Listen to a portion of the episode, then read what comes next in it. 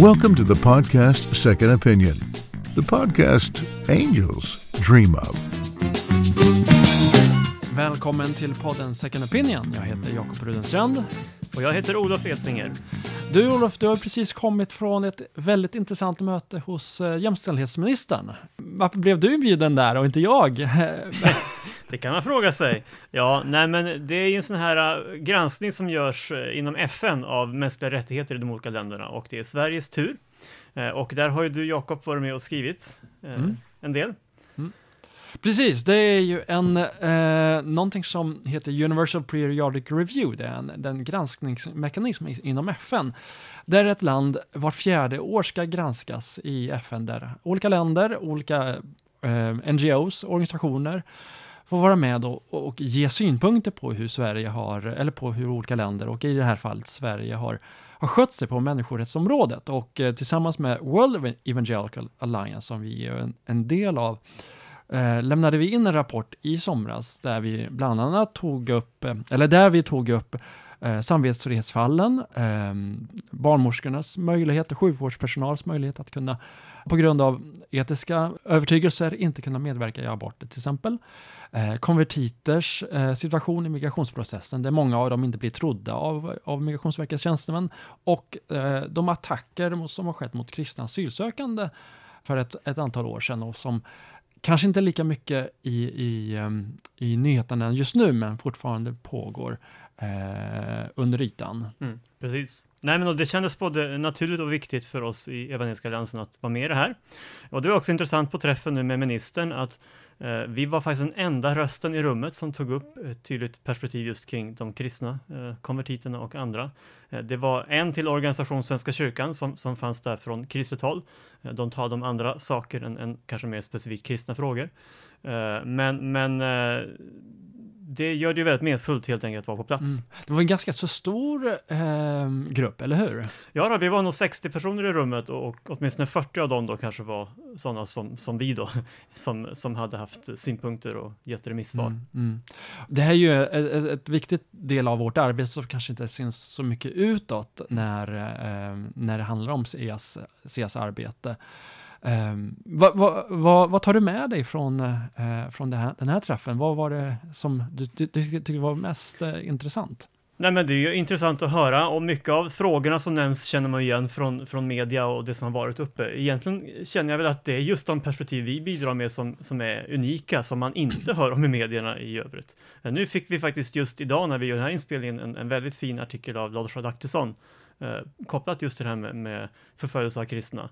Eh, men men eh, när vi läser de här texterna också från regeringen så märker vi att det är nästan kemiskt rent från, från just det perspektivet. Det finns väldigt många eh, frågor som är behjärtansvärda som man lyfter, men, men, men man har svårt att se det här med kristna som en förföljd grupp. Mm. Så det känns väldigt viktigt att vi, vi finns där och, och, och även att faktiskt ministern i, i ett av sina anföranden kopplade tillbaka till det jag hade sagt och sa att det, det är bra att ni lyfter detta. Så mm. det, det känns meningsfullt.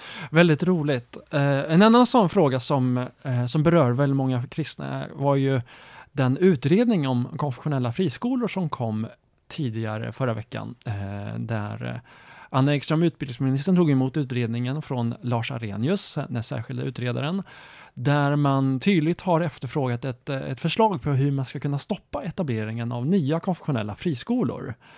Eh, och det här har ju föregåtts av en, av en lång, lång debatt, hela valrörelsen nästan eh, eh, präglades av, av någon form av förbudsiver kan man nästan säga av konfessionella friskolor. Egentligen så är man ju ute efter Eh, de muslimska friskolorna som, där, där man har eh, uppdagat problem. Eh, utmaningen är ju bara att många av de skolorna, om man nu tänker på alltså specifikt en friskola, Vetenskapsskolan eller så kallade Safirskolan som haft en muslimsk profil, inte har varit eh, formellt konfessionell, utan den har ju registrerats bara som en fristående skola. Precis, och, och det var ju ett av utredarens förslag, att, att faktiskt de här olika skolorna ska tvingas att bekänna färg och, och visa sin konfessionella hemvist. Och det tycker jag är ett bra förslag. Jag har ju tittat lite i utredningen eh, och såg även en del av, av den här presskonferensen och det som är intressant är ju att utredaren i grunden argumenterar ganska mycket för, för det jag skulle kalla för vårt case. Mm. Eh, för de argument han, han, han jobbar med handlar ju om de internationella konventionerna och de är väldigt tydliga och klara i de här frågorna. Eh, men sen hade han ju ett uppdrag att han måste ge förslag på hur man ska till exempel kunna förbjuda nyetablering. Så det ger han ju, men hela hans argumentation stödjer ju motsatsen skulle jag hävda. Mm. Men precis, ett av, eh, ett av de sakerna som man sa var ju att, att det här kan bli en stor utmaning när det gäller Europakonventionen. Eh, senare på eh, samma kväll så säger ju säger dock Anna Ekström, utbildningsministern i, i Aktuellt, när hon ska ge sina skäl för varför hon, hon tror att det ens kan gå igenom. Hon, hon, hon är väldigt ehm, säker på sin sak, att man ska kunna föra in ett etableringsstopp, är att det finns ett utrymme i Europakonventionen eh, Eh, där eh, man argumenterar för ett nationellt själv, självbestämmande över sin skola och ett etableringsstopp skulle förenkla integrationen. Det egentliga motivationen som hon anför här är att det rör sig om eh, att konfessionella friskolor generellt sett försvårar integrationen. Att, med, att elever eh, inte får träffa andra elever med andra uppfattningar, andra bakgrunder och andra situationer. Men detta är ju någonting som eh, inte alls finns fog för i den, i den utredning som Lars Arrhenius presenterade. Han skriver så här på sidan 426. En strävan ska vara att skolan ska arbeta för att uppväga skillnader i barns och elevers förutsättningar att tillgodogöra sig utbildningen. Att, att öka likvärdigheten och minska segregationen skulle därför kunna utgöra sådana angelägna samhälleliga intressen som kan motivera en inskränkning av näringsfriheten och därmed begränsningen av möjligheten att bedriva eh, fristående skolor med konfessionell inriktning. Det är dock inte självklart att ett etableringsstopp kan ses som en ändamålsenlig eller proportionerlig åtgärd för att komma till rätta med dessa problem, som även torde kräva andra insatser. Där, där ser man ju att, att etableringsstopp inte är en proportionerlig eh, insats för, för att komma, komma till rätta med de problem som kan finnas på eh, vissa konfessionella friskolor. Och det där tänker jag är ett bra exempel på att utredaren i, i sin eh, själva argumentation snarare ger stöd åt en, en, Mm. en annan hållning än den ministern skulle önska. Mm. Eh, Men det finns ju flera ännu mer grundläggande problem här och, och Mm. jag menar, Anna Ekström sa väl till och med att det här skulle vara ett viktigt steg i att åtgärda problemen Mm. i Sveriges skola. Och det blir ju nästan patetiskt. Mm, Dels, det räcker att bara konstatera att det här handlar om en procent, Mm. om ens det, av alla Sveriges skolor. Så att eh, problemen i svensk skola kan ju inte åtgärdas genom att man knäpper en procent på näsan. Hon har ju till och med tidigare sagt att eh, konfessionella friskolor är en giftcocktail. Så Ja. det, det, det, det gränsar ju om det inte redan är i, i ett populistisk retorik.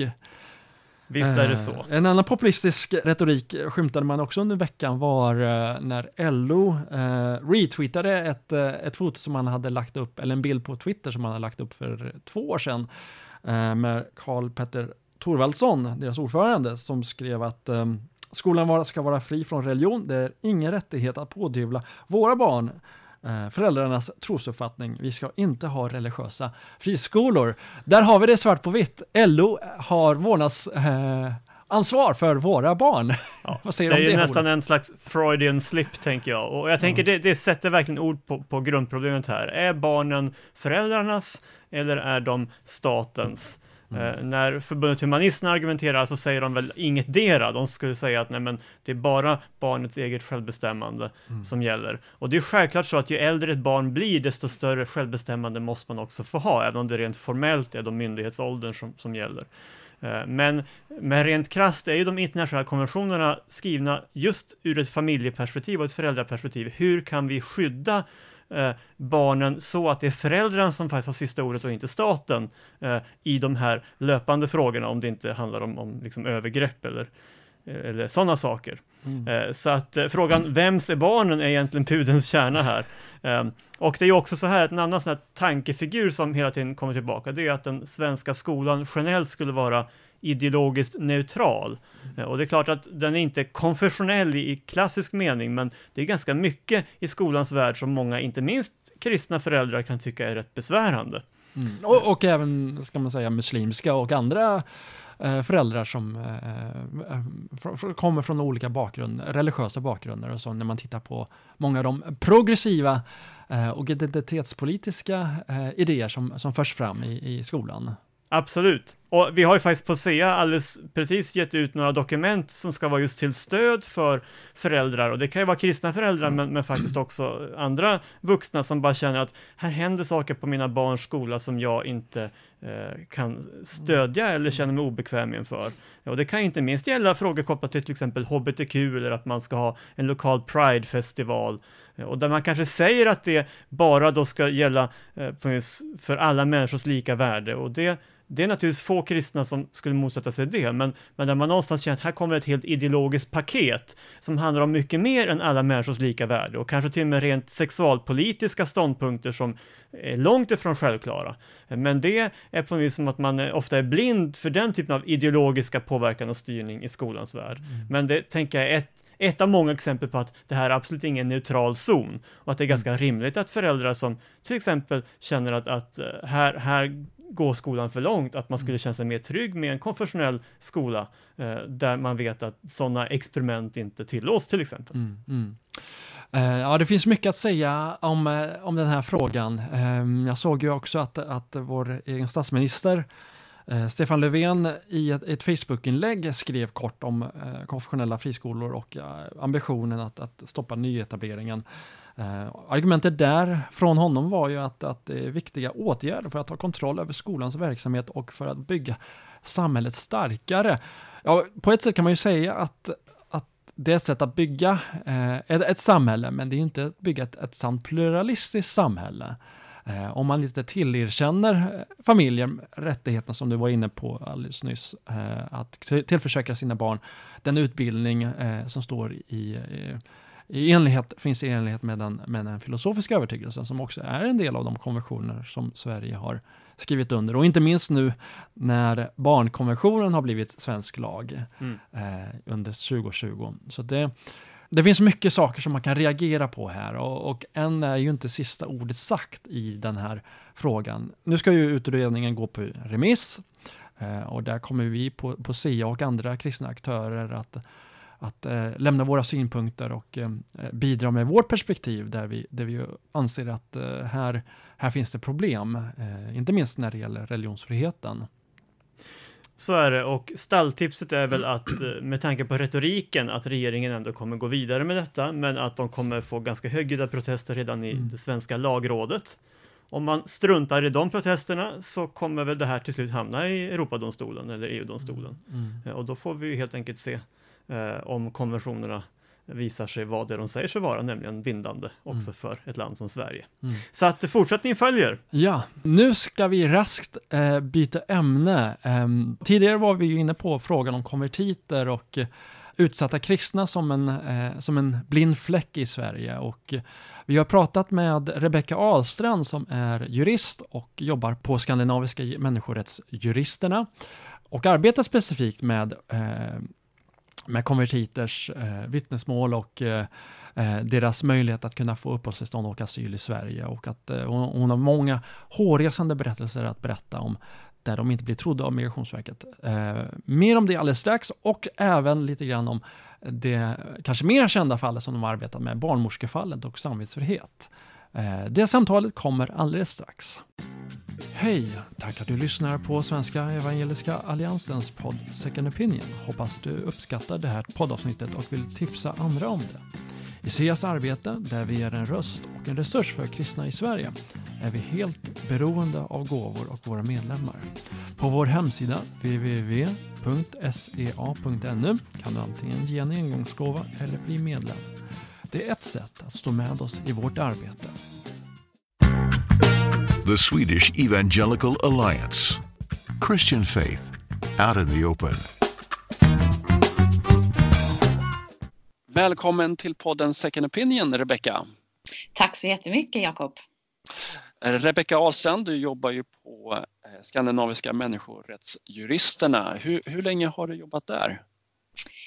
Eh, ja, vi har ju drivit juristbyrån sedan 2015 tror jag det är. Så att, eh, jag har varit anställd några år där nu men har ju varit engagerad i vår NGO tidigare och, och varit med ända från start så att säga, där vi började med ett nätverk och sen utvecklade till en NGO och så vidare. Mm. Hur, hur, eh, hur kom du in på den här banan med frågor som rör både konvertitfallen som är ju väldigt aktuella och uppe i, i nyheter regelbundet nu men också samvetsfredsfallen och så. Hur kom du in på eh, den banan? Ja, alltså vi jobbar ju med mänskliga rättigheter och, eh, och det var också det jag fördjupade mig i eh, och medicinsk rätt vid Uppsala universitet eh, när jag studerade juridik. Så att, eh, det här har ju vuxit fram och sen kom ju de här fallen då och, eh, och vi jobbar ju mycket med asylrätt så att konvertitärendena ja, har kommit till oss så att säga. Eh, vi hade väl det första ärendet 2016 där vi klagade till Europadomstolen gällande en konvertit som skulle utvisas. Mm. Eh, och han fick faktiskt först nu nyligen uppehållstillstånd efter en lång kamp. Mm, ja precis, det är, det är väldigt intressant att höra mer om det. Vi ska, vi ska prata mer om det lite senare i det här samtalet. Eh, men först tänkte jag att vi skulle titta lite grann, eller prata lite mer djupare kring de här eh, samvetsfrihetsmålen. De, de har ju gått, de går ju tillbaka väldigt lång tid. Eh, när var det första, när kom det här fall, första fallet det här med Elinor Grimmark upp till er för första gången? Mm. Jag tror att hon kontaktade oss runt eh, slutet av 2013 om jag minns rätt. Jag vet att DO-anmälan gjordes i början av 2014 så det är ju ja, fem år sedan blir det väl. Det är väldigt länge eh, som det har pågått. Brukar det göra, ja. pågå så, så länge sådana här eh, kamper? Fall? Eh, ja, det, det, kan det ju göra såklart. Nu har det ju inte hänt så mycket de senaste två åren utan, utan vi har väntat på beslut från Europadomstolen. Men, men en domstolsprocess eh, kan ju ta väldigt lång tid, så är det ju. Mm. Mm. Precis, det var ju för två år sedan som ni eh, överklagade till Europadomstolen efter att ha uttömt alla instanser här i Sverige. Mm. Ni väntar fortfarande på besked om Europadomstolen kommer att ta upp fallet. Mm. Om det stämmer, eller hur? Ja, men det stämmer. Precis. Man fattar ett så kallat admissibility-beslut där man beslutar om man ska ta upp ärendet eller inte. Eh, och eh, det kan ju ta väldigt olika tid. Det här är ju väldigt omfattande mål och vi har ju två barnmorskefall eh, som rör samvetsfrihet och har ju begärt att de här ska slås ihop då. Så att det är ju ganska omfattande material och en väldigt betydelsefull fråga. Och det tar lång tid i Europadomstolen. Det kan absolut ta mellan ett och två år innan man får de här besluten. Eh, nu kommer det kanske ta ännu längre tid. Men det, är ju, det finns ju jurister som väljer att inte driva mål till Europadomstolen just för att det tar så väldigt lång tid. Har ni någon, har ni någon ehm, spekulation om varför det har tagit så lång tid? För eh, eh, enligt en, del rykten eller bedömare så, så var det ju tänkt att det kanske skulle ha kommit redan i, i våras eller innan sommaren i alla fall. Eh, ja, vi har väl hoppats och trott det eh, eftersom det kanske normalt tar mellan ett och två år. Men, men så har ju inte varit fallet här. Eh, så att vi, vi kan inte svara på varför det har tagit längre tid men att som sagt var det är omfattande mål eh, som då två mål som troligen kommer slås ihop och så vidare och, och det är en viktig fråga. Det, det kan vara också hög belastning vid Europadomstolen. De har ju haft väldigt Eh, höga målbalanser. Mm. Eh, så att det, det, kan vara alla möjliga faktorer som gör att det tar längre tid. Mm, mm. Um, såklart, det, det, det, är omöjligt att säga precis när eh, Europadomstolen väljer att lämna besked om de kommer ta upp den här frågan. Men av ren principiella skäl så är ju samvetsfrihetsfallet väldigt viktigt. Inte minst när det gäller eh, sjukvårdspersonal personals rätt att, eh, att kunna Eh, följa sin etiska kompass och inte tvingas att enbart lyda mm. order från högre instans. Det, det, är ju så vi tänker oftast i, i andra områden, till exempel som, mm. som journalister har. De behöver inte följa sina chefers direktiv om det är uppslag eller nyheter som de känner väldigt starka etiska invändningar mot. Mm. Något som, som ju finns i Journalistförbundets avtal. Eh, varför tror du att det, har, att det finns ett så stort motstånd mot just den här yrkeskategorin att kunna eh, ha samvetsfrihet? Nyligen så ville ju till exempel Liberalerna att det skulle kallas, klassas som arbetsvägran. Mm det, det, är en känslig fråga och jag tror att det också beror väldigt mycket på missförstånd gällande vad samvetsfrihet är och eh, på vilket sätt det skulle påverka sjukvården. Ehm, jag tror också att, ehm, ja, jag tror att det helt enkelt är så att, att det sprids mycket felaktig information och, och att man inte riktigt har kännedom om, ja, till exempel att man redan har haft samvetsfrihet i Sverige under cirka 40 år. Ehm, bara det gör ju att man förstår att det här eh, är inte så farligt som, som man målar ut det. Man har ju löst det på arbetsplatser tidigare och, och, det har ju fungerat. Eh, men man har ju mer och mer varit i sina chefers händer så att säga och det har ju varit lite godtyckligt och framförallt då i och med att ehm, synen på abort har förändrats över åren eh, så, så har ju möjligheten att eh, få samvetsfrihet minskat så att säga eh, mm. Mm. på arbetsplatsen. Men jag tror att de flesta som har jobbat i sjukvården vet att det har förekommit ända sedan abortlagen kom och det skrevs ju också in i förarbetena till abortlagen att, att man självklart skulle ha en möjlighet att avstå från, från de här ingreppen eh, både mot bakgrund av moraliska betänkligheter men också religiösa betänkligheter. Mm. Så egentligen, ja förlåt. Ja, och i Norge och Danmark där man fick abortlagen ungefär samtidigt så valde man att skriva in det här i själva lagtexten. Och det gör att man har tillämpat det eh, och, har det fortfarande idag. Så att barnmorskorna som vi har företrätt arbetar ju idag med samvetsfrihet i Norge. Just det.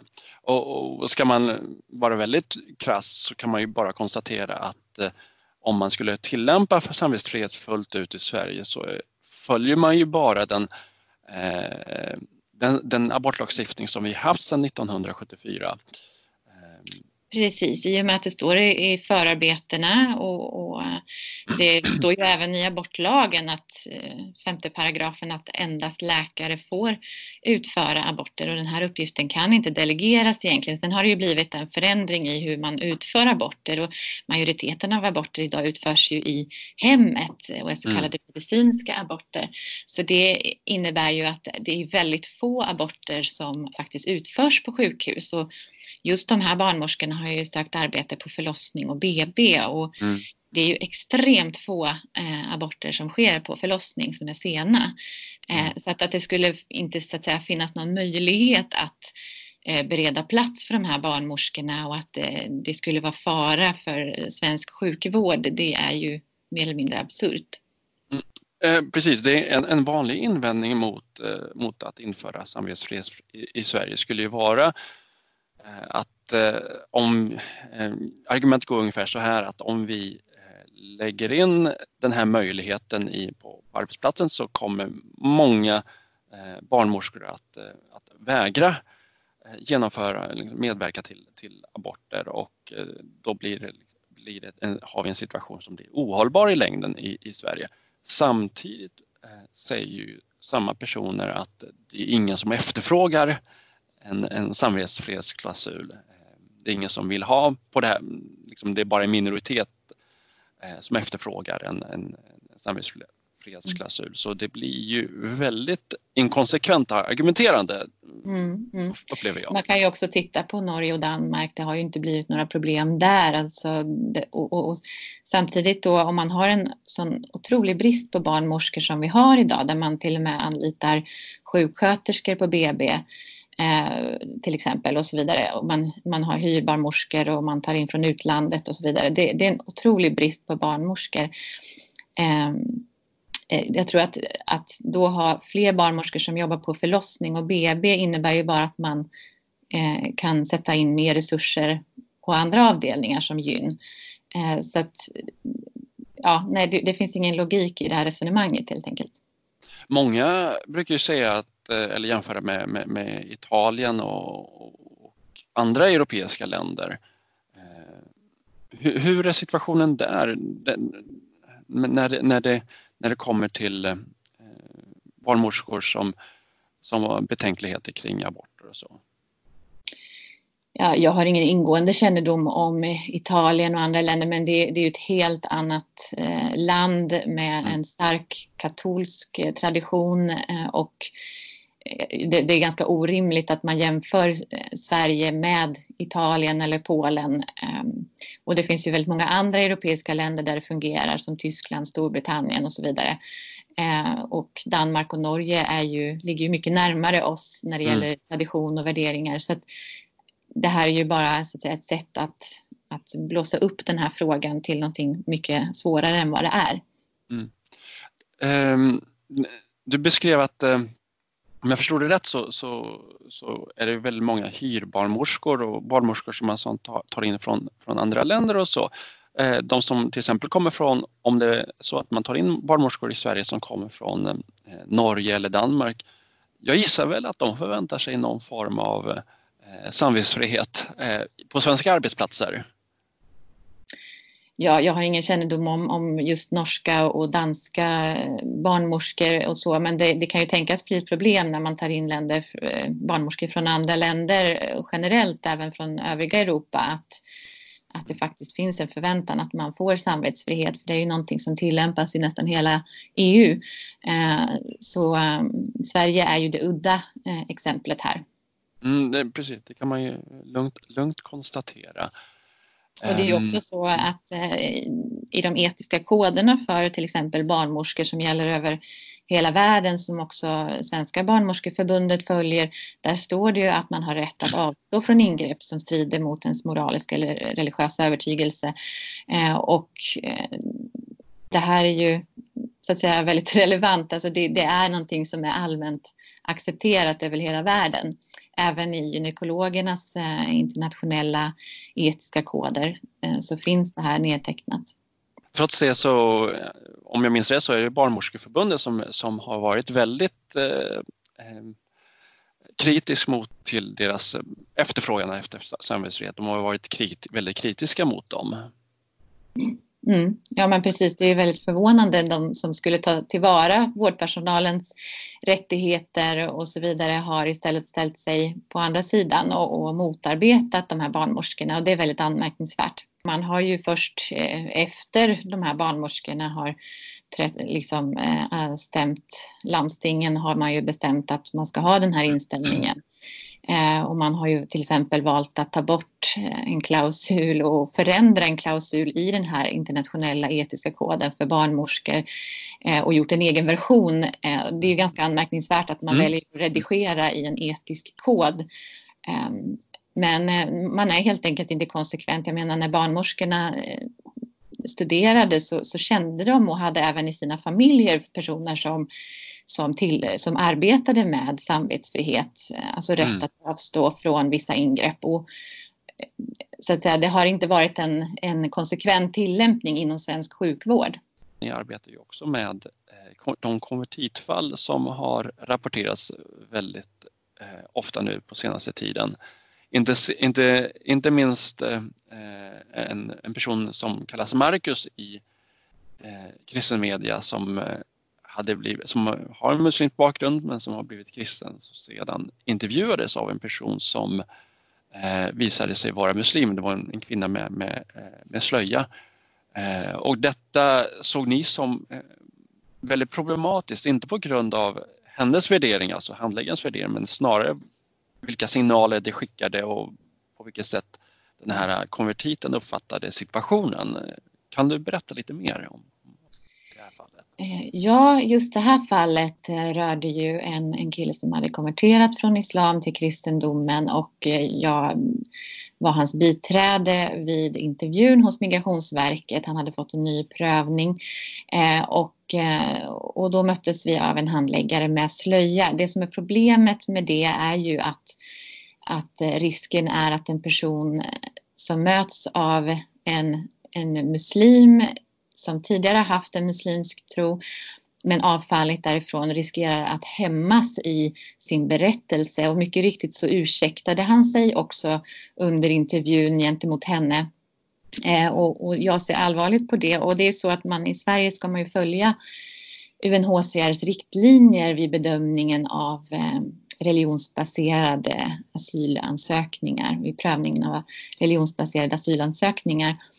Eh, och det har man fastställt fastställt i praxis från Migrationsöverdomstolen att de här riktlinjerna ska följas. Och man tar ju hänsyn till exempel till om någon vill ha en handläggare eller utredare av ett visst kön. Men man, man tar normalt inte hänsyn till eh, utredarens religion. Men i det här fallet så blev det väldigt uppenbart eh, vad handläggaren hade för religion. Och, och han kände att han behövde ursäkta sig under tiden utredningen pågick. Och det det hämmade såklart honom i hans berättelse.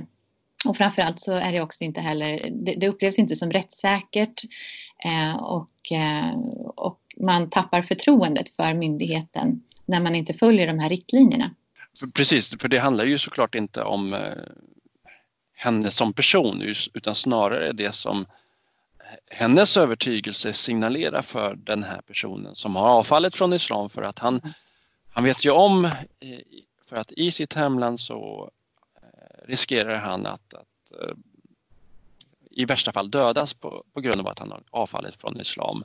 Något som är vanligt förekommande i många, många av de här länderna.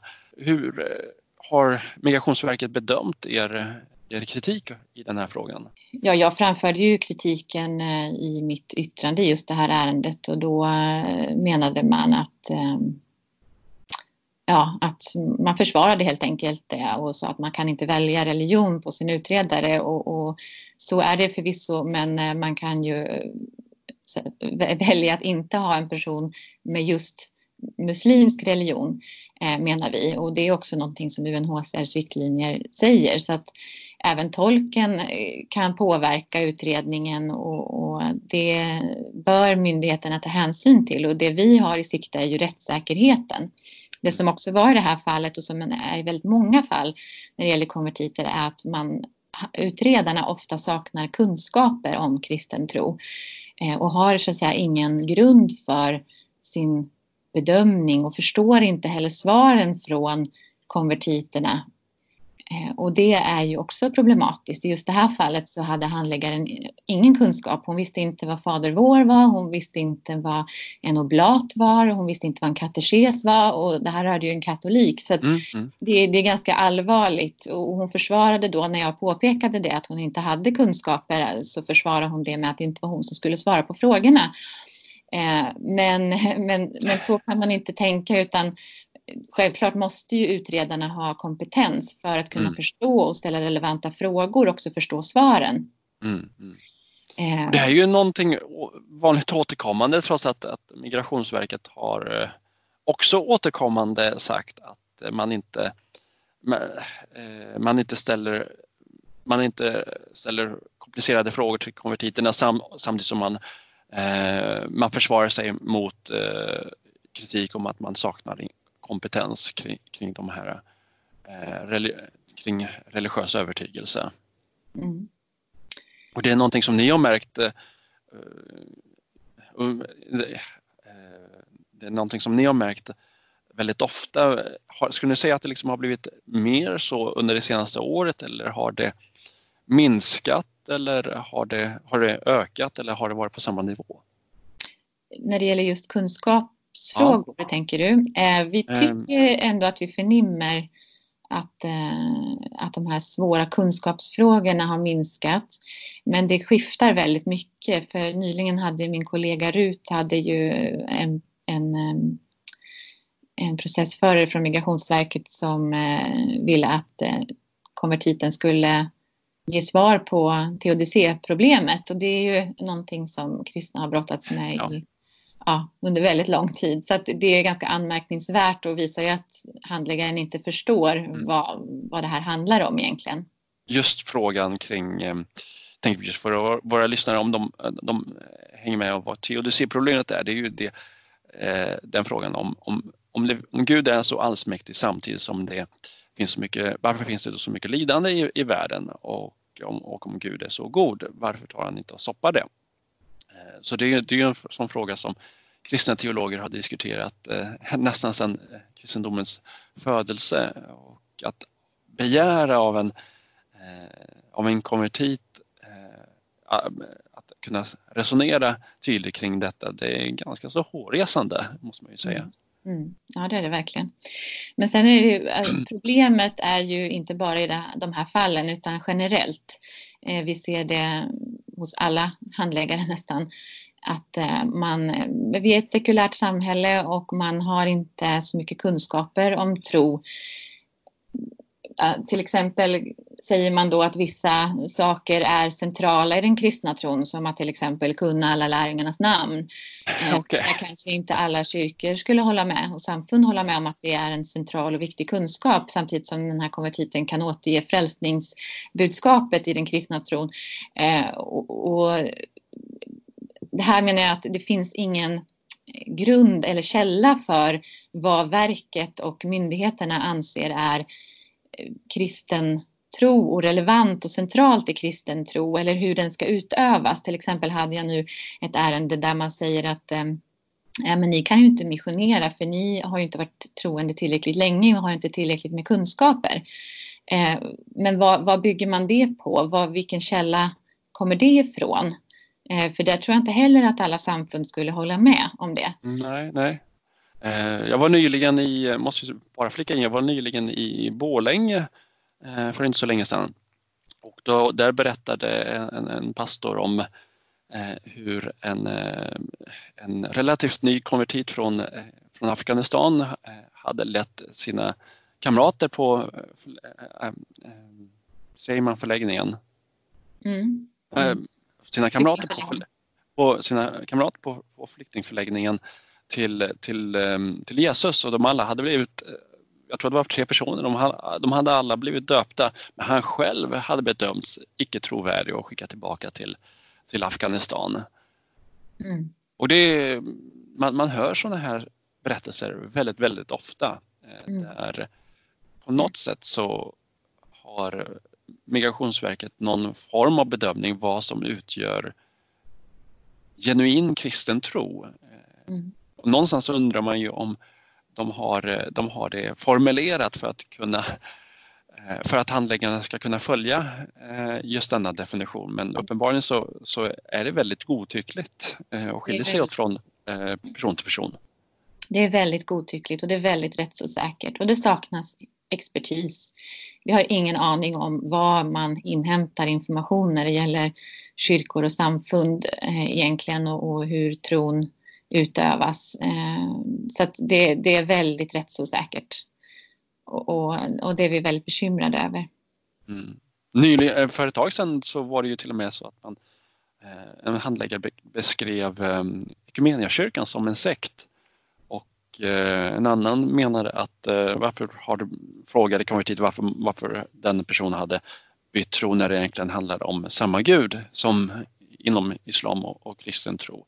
Mm. Så det är som du beskriver, det, det, man upplever att det liksom är väldigt tydligt och rätt osäkert där det, där det inte mm. finns några mm. tydliga skrivningar uppenbart. Nej. vad som utgör kristen tro. Precis, man, eh, man tar ju egentligen så, så blir det en bedömning också ofta av personens förmåga att beskriva, analysera och reflektera kring sin tro. Eh, man tar inte så mycket hänsyn till hur man faktiskt har utövat och manifesterat sin tro. Man kan ha varit med i en kyrka och, och i många år, eh, men det räknas som ingenting eh, om man inte kan beskriva och, reflektera och analysera varför man valde att lämna den andra religionen för den nya eh, tillräckligt väl. Och, och, där blir det ju mer en, en, bedömning av konvertitens intellektuella förmåga och verbala förmåga. Alltså där kan man tänka sig, jag upplever nästan att kvinnor har lättare för att få uppehållstillstånd därför att man bättre kan eh, man gråter under utredningen, man, man beskriver sina känslor eh, mm. på ett bättre sätt medan kanske en, en ung man från Afghanistan aldrig har, eh, kanske inte har gått i skolan, man är analfabet, eh, man har inte mycket utbildning och man är inte van att uttrycka eh, känslor och tankar och reflektioner. Eh, och det blir väldigt eh, fel om det är just den intellektuella och verbala förmågan som egentligen gör att man får uppehållstillstånd. Och, och precis det som du nämner att man kommer från ett väldigt starkt också patriarkalt bakgrund och man har en viss bild av vad det innebär att vara man och en viss bild av vad det innebär att vara kvinna. Eh, som ju spelar in eh, mm. i, i mötet med eh, Migrationsverkets handläggare. Mm, mm. Jag, tänker att vi ska, förlåt. Ja.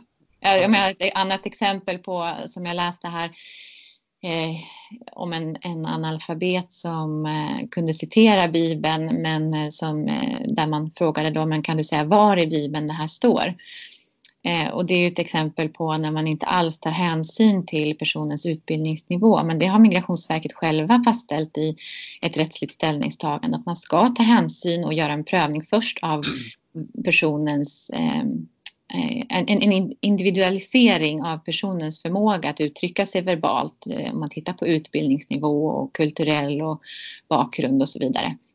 Men det har vi hittills inte sett så mycket av. Eh, vi ska avrunda det här samtalet men innan dess så, så skulle det vara intressant att höra några positiva berättelser från, från fältet. Jag förstår ju att det, varit, det, det finns väldigt mycket att uppröras över. Mm i Migrationsverkets bedömningar av, av konvertiter. Men, men, samtidigt så har, har de ju kunnat backa på vissa områden och de har kunnat göra också bra eh, beslut eh, utifrån konvertiternas redogörelser. Eh, skulle du kunna ge något exempel på detta i, i, i närtid? Eh, ja, men vi har ju vi har vunnit många ärenden i Migrationsdomstolen som har, där man har fått avslag i, i, hos Migrationsverket. Eh, och, eh, Ja, bland annat det här ärendet som eh, där vi klagade till Europadomstolen i eh, 2016. Eh, han fick ju då uppehållstillstånd nu eh, från Migrationsdomstolen. Eh, så det var ju otroligt roligt efter så många års arbete. Mm. Eh, och, och nyligen så har ett par iranska kvinnor fått uppehållstillstånd hos Migrationsverket där jag tyckte ändå att utredningen var var bra helt enkelt. Ehm, så att mm. det, det, finns positiva ärenden där det, man känner att det blir en bra utredning och en rättssäker utredning. Ehm, ja. Men man önskar att det skulle vara så i varje fall. Mm. Men verkligen, det, det, finns mycket gott men det finns ännu mer att, att efterfråga. Mm, hos, eh, absolut. Eh, tack så jättemycket Rebecka för att du ville medverka här i podden. Tack så jättemycket för att jag fick komma.